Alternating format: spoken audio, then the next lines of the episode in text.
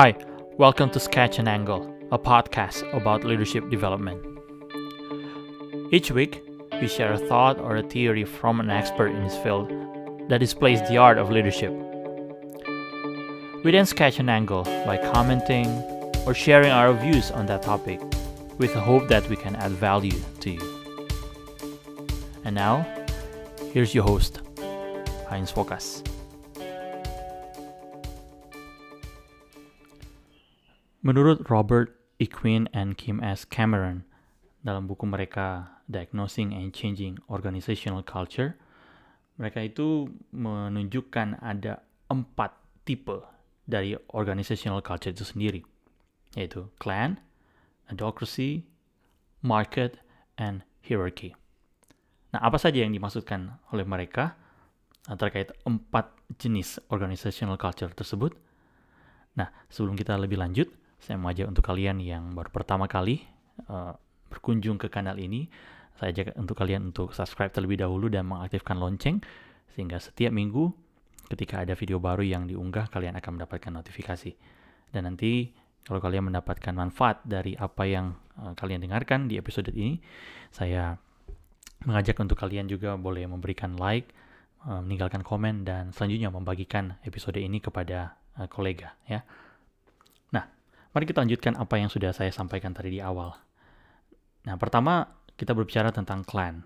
Nah, kalau kita mendengarkan kata clan, pasti kita sudah sangat uh, bisa langsung relate ya apa yang dimasukkan dengan clan. Yaitu culture yang sangat dekat dengan uh, nilai kekeluargaan atau family like gitu ya.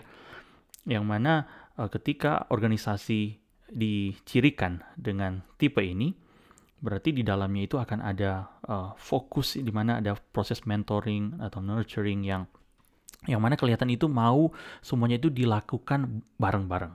Jadi cara uh, karakteristik yang paling nampak adalah doing things together. Itu yang uh, apa namanya sangat dekat dengan tipe yang pertama ini. Nah, yang kedua adalah adocracy. Uh, mana kalau tipe ini kita akan melihat di dalamnya itu sangat kental berbicara tentang dinamika dan uh, hal-hal uh, terkait entrepreneurial gitu ya. Gitu ya. Dan uh, kita akan lihat di mana di hal yang sangat dijunjung di culture ini adalah risk taking innovation gitu ya. Dan kita akan lihat bagaimana uh, culture ini mendorong pelaku yang ada dalamnya untuk doing things first. Jadi mereka kalau bisa itu menjadi terus berinovasi gitu ya. Dan culture yang ketiga adalah market. Nah, apa yang menjadi karakteristik dari market ini? Ya, fokusnya adalah kompetisi dan achievement. Uh, hal yang paling nyata yang uh, terus akan terlihat dari budaya ini adalah bagaimana mereka yang terlibat di dalam itu getting uh, the job done. Jadi kalau bisa terus ada improvement dan berusaha untuk apa yang telah direncanakan bisa dikerjakan dengan baik dan terus fokus pada hasil, kepada prestasi. Dan yang terakhir adalah uh, hierarchy, gitu ya, hierarchy.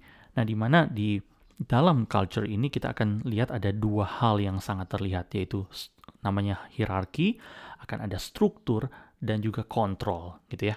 Yang mana fokusnya adalah berbicara tentang efisiensi dan stability.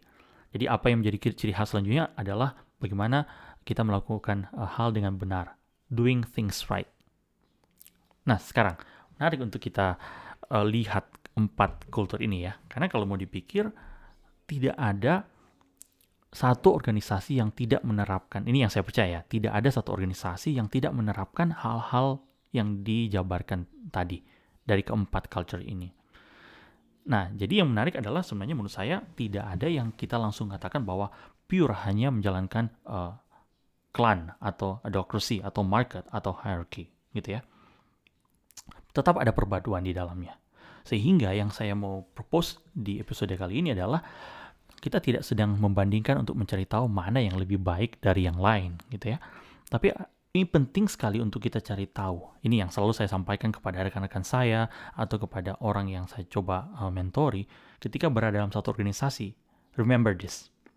It is important to know the logic of your organization penting sekali untuk kita tahu logika dari organisasi di mana kita bekerja. Karena dari logika itu kita kemudian akan belajar tentang yang saya sudah sampaikan tadi ya, hal-hal terkait dengan culture di organisasi itu. Karena kalau tidak, kita akan sangat kesulitan untuk keep up dengan apa yang menjadi ekspektasi dari organisasi itu. Penting sekali untuk tadi tahu logik yang mereka anut, dan kemudian kita lihat apakah kita benar-benar cocok. Karena kalau kita tidak cocok, kita akan selalu uh, ada benturan-benturan yang selanjutnya membuat kita itu tidak produktif dalam pekerjaan kita. Nah, sekarang coba setelah mendengarkan apa yang saya paparkan tadi, dari empat tipe organisasi organizational culture yaitu clan, advocacy, market, dan hierarchy. Coba sekarang identifikasi organisasi atau institusi di mana kamu bekerja. Mana yang kira-kira lebih condong, ya?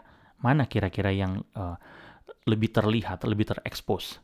Dan sekarang, apakah culture itu cocok dengan kamu atau tidak? Karena kalau tidak, nah ini akan menjadi persoalan untuk jangka panjang, gitu ya. Oke, demikian untuk episode kali ini. Nah, saya ajak untuk kalian yang mendapatkan insight dari episode ini untuk membagikan apa yang kalian dapatkan dan kita bisa melanjutkan diskusi di kolom komentar.